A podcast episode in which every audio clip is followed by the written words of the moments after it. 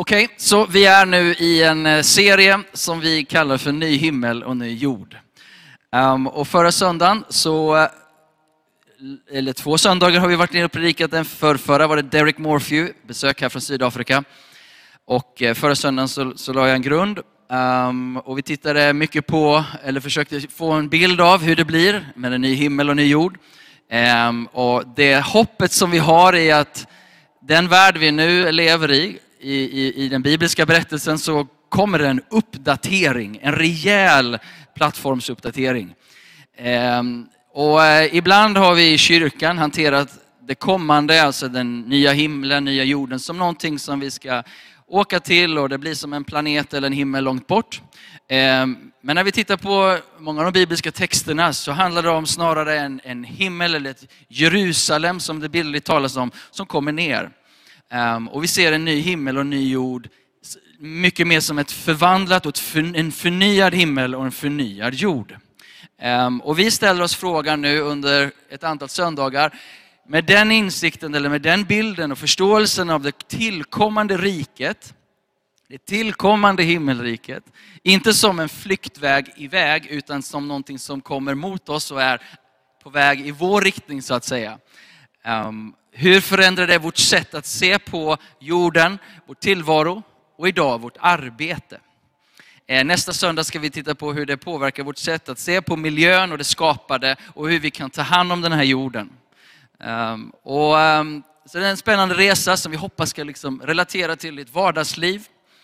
Och har du varit här ett tag i Citykyrkan så kanske du känner igen att vi vill gärna att eh, riva ner murarna mellan söndagen och måndagen.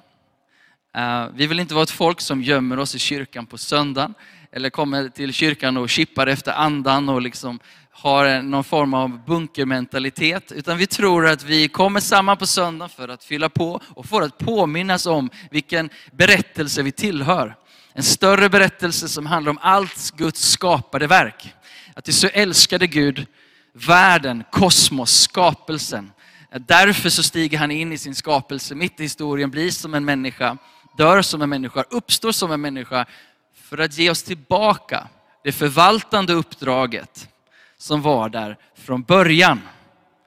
Och har du läst de första kapitlen i Bibeln så minns du att Gud gav människan ett väldigt tydligt uppdrag. Varför skapades människan? För att ta hand om jorden. Ja.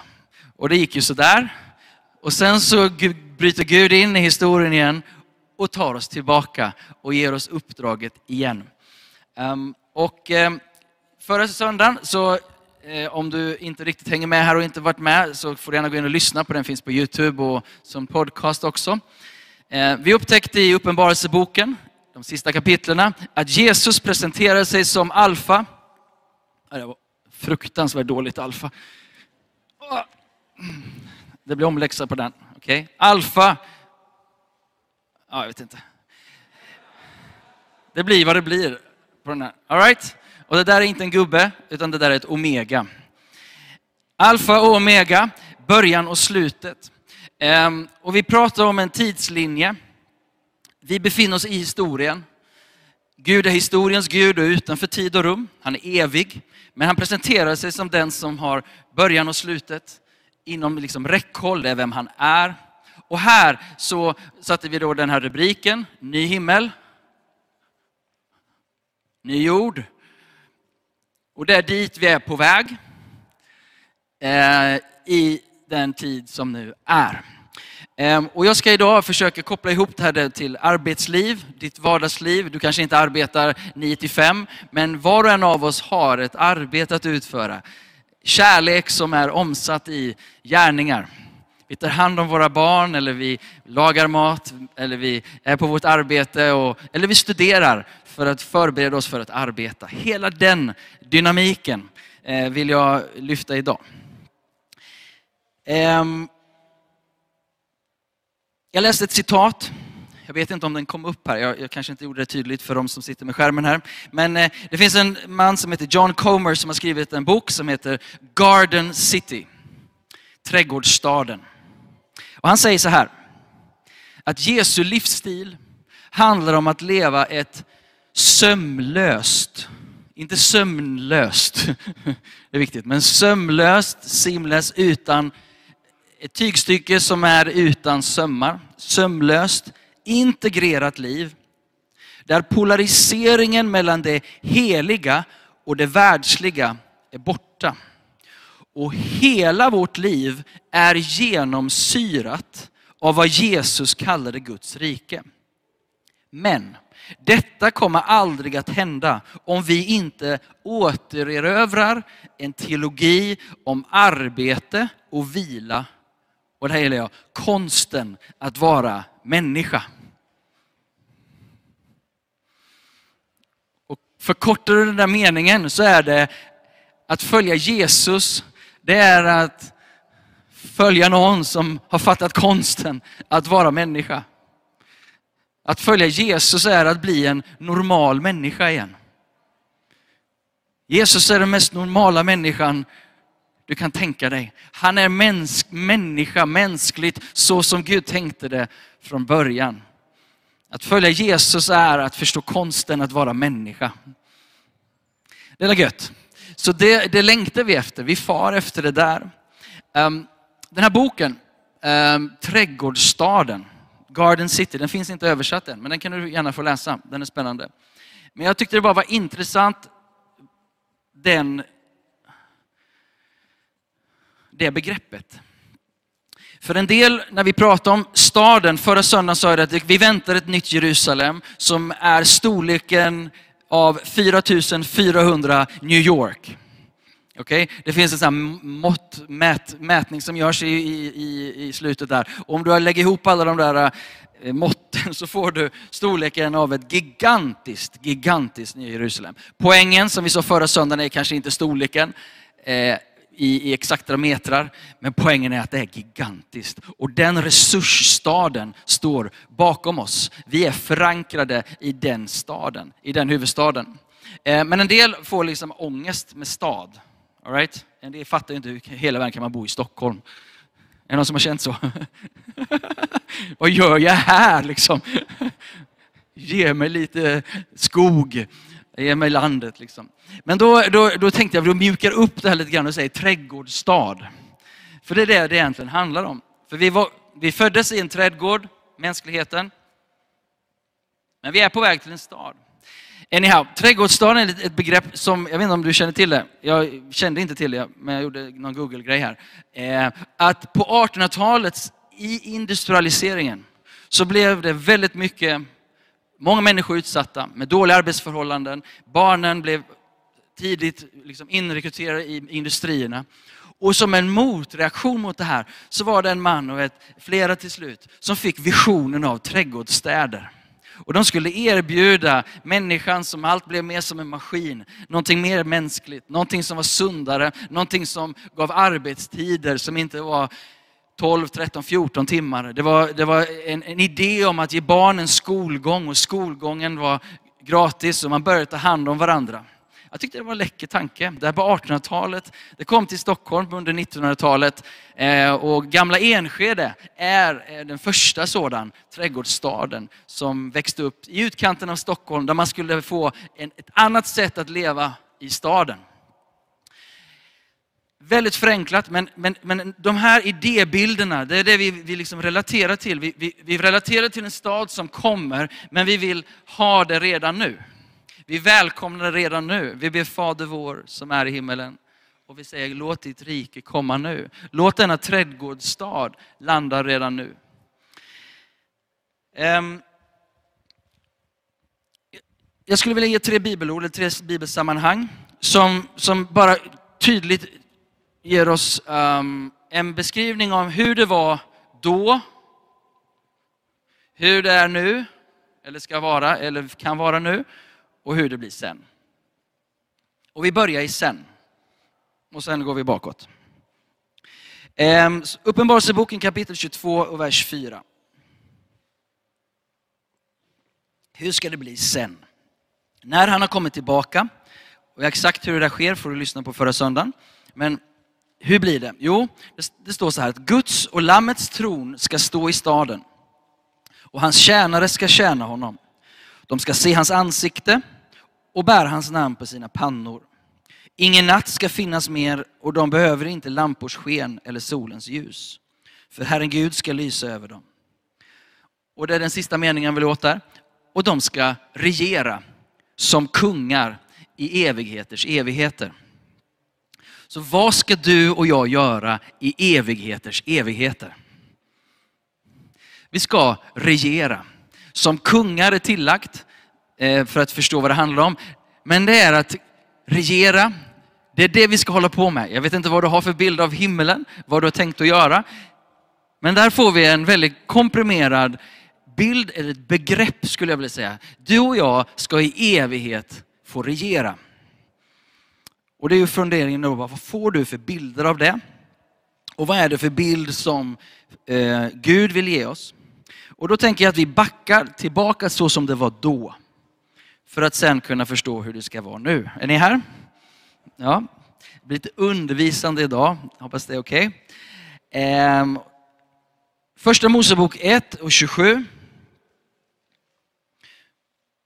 Så, här, så vi har läst om hur det ska bli sen. Och nu går vi tillbaka hur det var då och hur det var i begynnelsen. Gud skapade människan. Hur då? Jo, till sin avbild. Till att vara lik Gud. Till Guds avbild skapade han henne. Till man och kvinna skapade han dem. Och Gud välsignade dem och sa till dem, var fruktsamma och föröka er.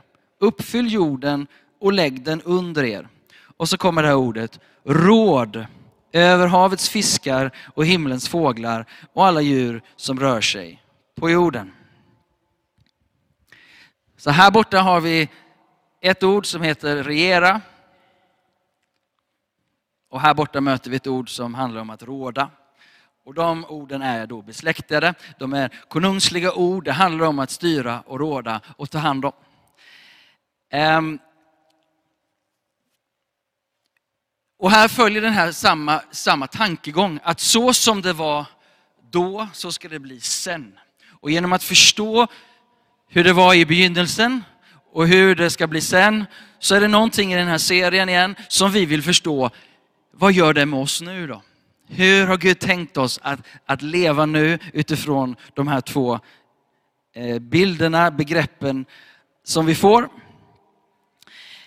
Um, och eh, det här ordet råda kan översättas som regera eller att ha herravälde. Det är ett konungsligt språk och hebreiska forskare har översatt det som att aktivt samarbeta med Gud för att ta världen någonstans. Ett aktivt samarbete med Gud för att ta världen vidare. Gud skapar en trädgård, han planterar oss där i och han sätter oss att råda för att ta den vidare. All right? Nu ett sista bibelord just i det här. Nu, hur blir det då nu? Om det var då, om det var andra var sen, hur blir det nu? Eller hur ska det vara nu? Och om vi går tillbaka till Matteus evangelium 24 och 25 kapitel. Om du vill läsa mer hemma och fundera på den sista tiden och liksom sammanhanget av allt det vi predikar nu, så är det bra att läsa de där två kapitlerna. Allt är inte superenkelt att tolka, men du har det där. Och då är det så här, i kapitel 25.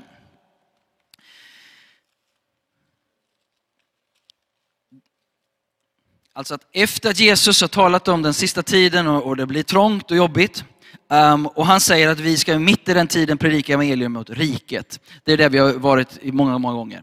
Det, det ska göras, sen kommer slutet. Men sen så är det intressant att Jesus ger oss två liknelser mitt i den här tiden. Och Jesus är fenomenal pedagog. Eh, så att han, han, han vet hur han ska måla bilden och ibland är de bilderna relaterade till den samtiden, så vi kanske ibland behöver tugga lite på det. Men det finns två liknelser som kommer in mitt i, i talet om den sista tiden. Och det ena handlar om tio jungfrur och det andra handlar om förvaltare som får talenter, som får gåvor att ta hand om. Så det är en liknelse om tio jungfrur och det är liknelsen om talenterna. Och jag tycker det här är väldigt intressant utifrån förståelsen vad vi ska göra nu tills det kommer sen. För Jesus säger inte att därför så bara lägg, lägger ner, nu, det, nu han har ju precis berättat hur illa det ska bli. Det kommer krig, det kommer förföljelse, det kommer elände på elände och det blir värre och värre. Vad ska vi vara då? Jo, vi ska vara som jungfrur och vi ska vara som förvaltare. Det är inte tid att packa väskan och liksom ligga i krisberedskap. Nu kommer han snart vänner. Ja, det gör han. Och så säger han, jag gör det, jag lovar. Men under tiden så ska ni vara som jungfrur och ni ska vara som de här äh, förvaltarna. Och det finns någonting, jag hinner vi inte gå igenom allt vad det handlar om, men det som det står om jungfrurna, um, vers 1 i kapitel 25. Då ska himmelriket bli som när tio jungfrur tog sina lampor och gick ut för att möta brudgummen. Och fem av dem var oförståndiga och fem var kloka. Eller visa, som det står i engelskan. Fem av dem var visa. Och om man tittar på det här ordet, ord är viktiga. Och när man kollar på det ordet så är det inte bara vi sitter och kuckelurar och har lite allmän visdom ihop. Utan det här är praktisk visdom. Det är samma ord som Jesus säger, den som bygger sitt liv och gör det jag har befallt, blir som en man som bygger det på klippan. Han är vis, som de här jungfrurna. Jungfrurna var visa i praktisk bemärkelse. Och jag tänker så här, hur många arbetsplatser behöver inte de som är praktiskt visa? Praktisk visdom. Ett annat sätt att översätta ordet är vettiga.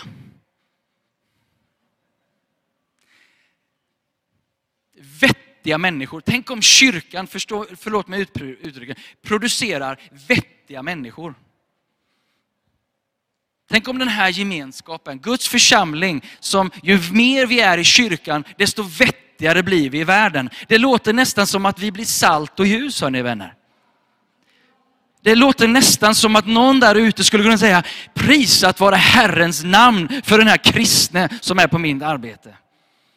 För det är det Jesus säger, om i salt och ljus, då ska människorna prisa er fader i himmelen för era gärningar. Det är praktisk visdom som, gör, eller som är vår hållning tills han kommer åter. Jag vet att det står om olja i texten och jag vet att den heliga ande är den bästa på visdom. Men låt oss inte koppla den här oljan till ett, för, förlåt mig nu, men till ett bönemöte. Säger vi som vill vara en bedjande församling. Men igen, och egentligen, jag, jag predikar ju mot mig själv. Vi vill vara ett bönens hus för alla folk, amen. Och Guds vishet finns i hans gemenskap och i hans närhet. Men problemet blir om vi är ett bunkrande folk. Problemet är om vi, om vi hovrar här inne liksom och bara, oh vi är ju så uppfyllda, halleluja. Och det makes no difference out there. Och det finns ingen åtkomst för det där ute. För, för där ute så heter det inte smörjelse, gudsnärvaro eh, och alla andra floskler. Eller inga floskler, men det är ord som betyder nada där ute. Det som betyder någonting är praktisk visdom. Som har svar på det som inte går att förklara, som har insikt i det som är svårt, som, som hittar lösningar på problem för en människa, för ett system, för en skola, för en vårdplats. Jag vet inte. Jungfrurna, de fick tag på det där. De var visa, de var praktiskt visa. Det andra som är, den andra, det där får vi gräva mer efter. Eh, men det där tror jag, att det är inbjudan att i den sista tiden, hur är vi salt och ljus? Jo, vi är ett sjukt vettigt folk. Vettiga människor är de där. Som kommer med olja i sin lampa. Och som inte bara lever för stunden, blind som hunden, utan bara har någonting för morgondagen. Någonting runt hörnet, någonting i beredskapet. Aha, vi kanske inte, det kanske inte är så att Jesus kommer imorgon. Förstår du vad jag menar? Vi lever som att vi lever i krisberedskap. Jesus säger nej, var som jungfrun, för det kanske är så att jag dröjer. Lev inte oförståndiga, säger Jesus. Lev som visa i beredskap för det som kommer. Ehm, nästa liknelse är ju oerhört praktisk också.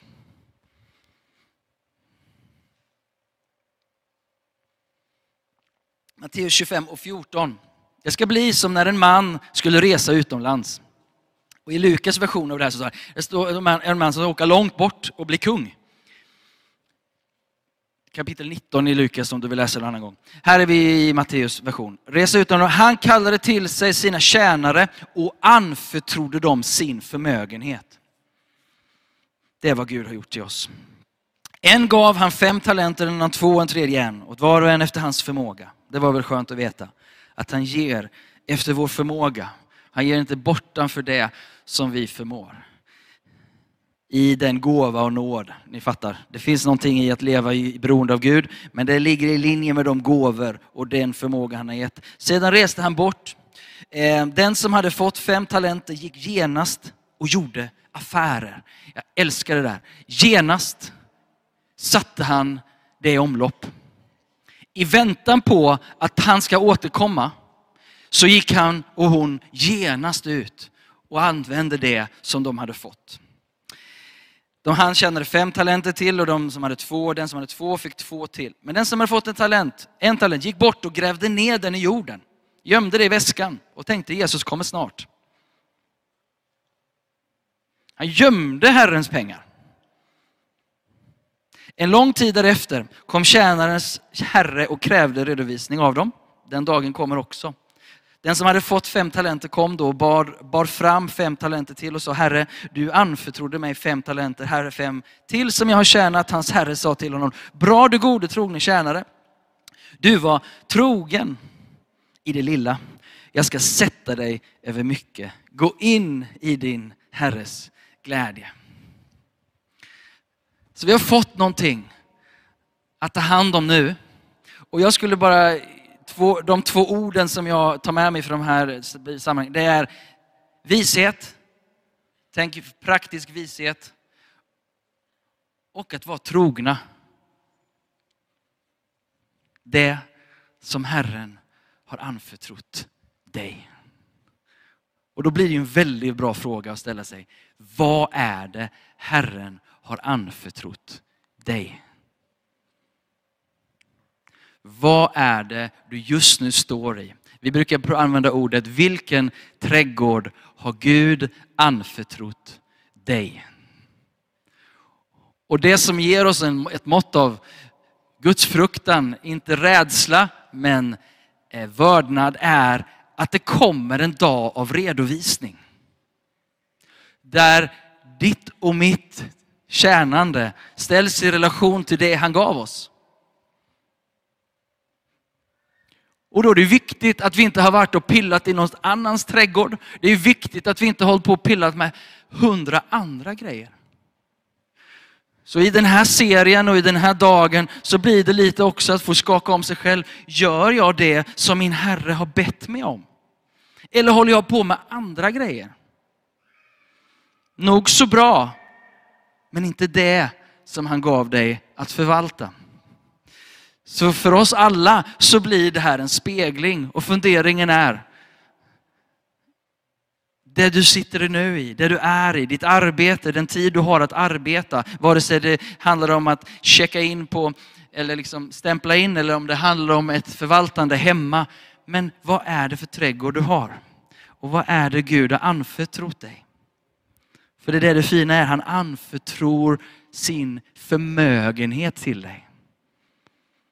Jorden, skapelsen, trädgården, ditt arbete, din arbetsplats. Det är en del av hans förmögenhet som han har anförtrott, som han sänder dig in i för att förvalta.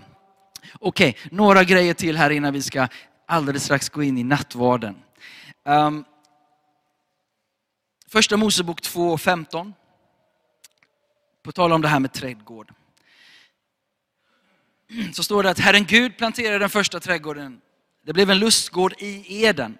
Så Eden är ett större område och mitt i den så gör Gud en trädgård. Och i den trädgården så sätter han människan som han hade format. Vers 15.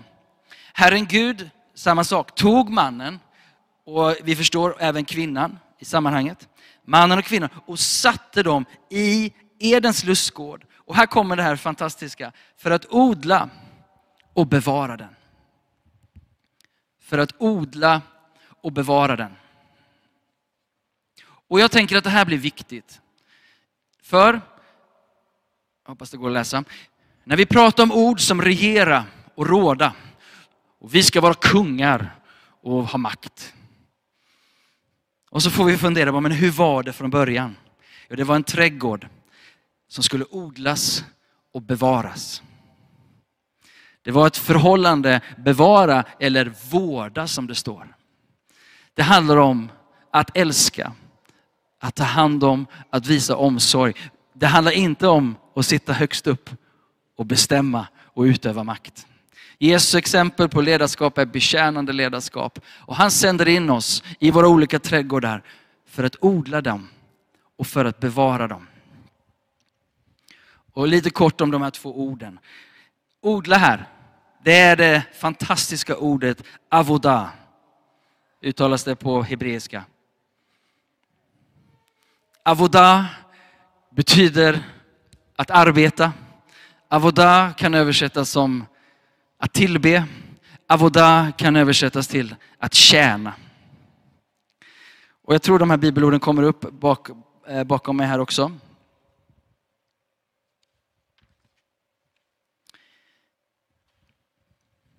Ifrån Andra Mosebok 34, vers 21. Så säger Gud i samband med lagen att sex dagar så ska du arbeta. Avoda. Saltaren 104.23 säger, då går människan ut till sitt arbete, avoda, till sitt arbete ända till kvällen.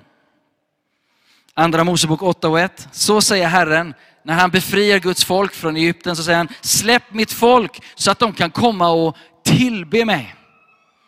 Avoda mig. Och de kända orden ifrån Josua. Han säger, jag och mitt hus ska tjäna Herren. Ska avoda Herren. Gud insätter Adam och Eva i trädgården för att avoda trädgården. För att arbeta, tillbe och tjäna i ett holistiskt sätt att leva som människa. Att ta hand om, att bevara, att älska. Där du är satt mitt i din vardag är du satt att älska och vårda utifrån ett förhållande av avoda. Att genom mitt arbete tillbe Gud. Genom mitt, genom mitt arbete tjäna Herren. Vilken fantastisk inbjudan att få göra det. Och få göra det med den praktiska vishet som finns i oljan. Och med förhållande till att få vara trogen i det lilla. Med vetskapen om att i evighet så kommer vi få regera med honom. Och det som ger ett mått av gudsfruktan är, är att han kommer att se hur har vi tagit hand om det lilla. För det är i det lilla som vi visar oss trovärdiga, det större. Här och nu så får vi gå in och älska Herren i det lilla. Och vara i Avodah vara i tillbedjan, vara i vördnad inför honom med det lilla och det stora vi gör.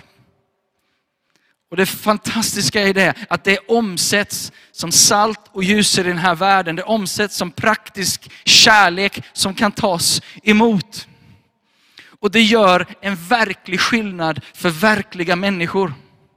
Att det som Jesus har gjort på vår insida och förändrat och förvandlat oss, det läcker nu ut i goda gärningar till vår nästa. Att Gud skapade oss och satte oss i en trädgård för att ta hand om den, för att älska den, för att kultivera den, som man kan översätta det också. Cultivate, plocka fram potentialen i det som är nedlagt. Hur ser det ut på ditt arbete? Hur ser det ut i din kontext? Hur ser det ut när du som hans representant får gå in och avoda mitt där du är satt? Och så möts vi på söndagen och firar och vi påminner oss och vi går tillbaka till, till nattvarden som vi ska göra här och påminner oss om att han dog i vårt ställe för att lösa oss från syndens slaveri, från mörkrets makter, sätta oss fri, att insätta oss igen, att råda och regera med honom på jorden. Det var så det var då, det är så det ska bli sen. Och jag kan inte göra någon annan tolkning än när Jesus pratar om den sista tiden. Vad är vårt förhållningssätt i den sista tiden? För det första är det att vi förkunnar evangeliet om riket till alla människor. Och för det andra så får vi vara som jungfrurna som är praktiskt vettiga och visa. Och Gud give att vi fick ta hand om det lilla som Gud idag har gett oss att älska. Du kanske drömmer om de stora bergen, du kanske drömmer om de stora posterna. Men om du och jag inte kan älska den lilla människan med de behov som finns framför dig idag så behöver vi börja där först och vara trogna i det lilla. Så hittar Gud någon som han kan ge mer. På samma sätt som Gud så arbetade han i sex dagar. Det här heter, den här dag, predikan heter arbete och vila. Jag hinner inte in i vilan. Jag har för mycket att göra. Men Gud jobbade i sex dagar. Han skapade. Han var matematiker och fysiker. Alla de som håller på med det här fattar hur komplext universum är. Det är bara en matematiker och en fysiker som kan få ihop det där. Han är kemist och kreatör på samma gång. Hur alla, alla grundämnen hör ihop och håller ihop. Detta gripande universum är makalöst. Och vad vackert han har format det utifrån det. Han är astronom och kompositör på samma gång. Man sitter på morgonen nu när fåglarna kommer och det bara sjunger. Det finns så mycket vacker symfoni och sång. Han är ljusdesigner i sitt sätt att komponera ljus och mörker och ljus. Han är meteorolog, han har räknat ut, han är zoolog, han är biolog, han är botaniker, han är trädgårdsarkitekt och han är kirurg. Som är det första kirurgiska ingreppet i världshistorien. Han plockar ut ett revben i Adam. Gud är den som arbetar i sex dagar men sen vilar han. Och det fina är att vår första dag som mänsklighet, det är vilodagen. Det är så vi börjar vår historia. Det första som händer när människan vaknar, det är att hon vilar. Och utifrån vilan så arbetar hon. Och ni har hört mig säga det flera gånger. Och det blir en annan predikan. Och det blir också i eftermiddag. You're gonna preach on rest. Yes. So this might be the first part and you do the second part. Okay? Så om du vill höra mer om vila så kommer det i Wilbers predikan här klockan två.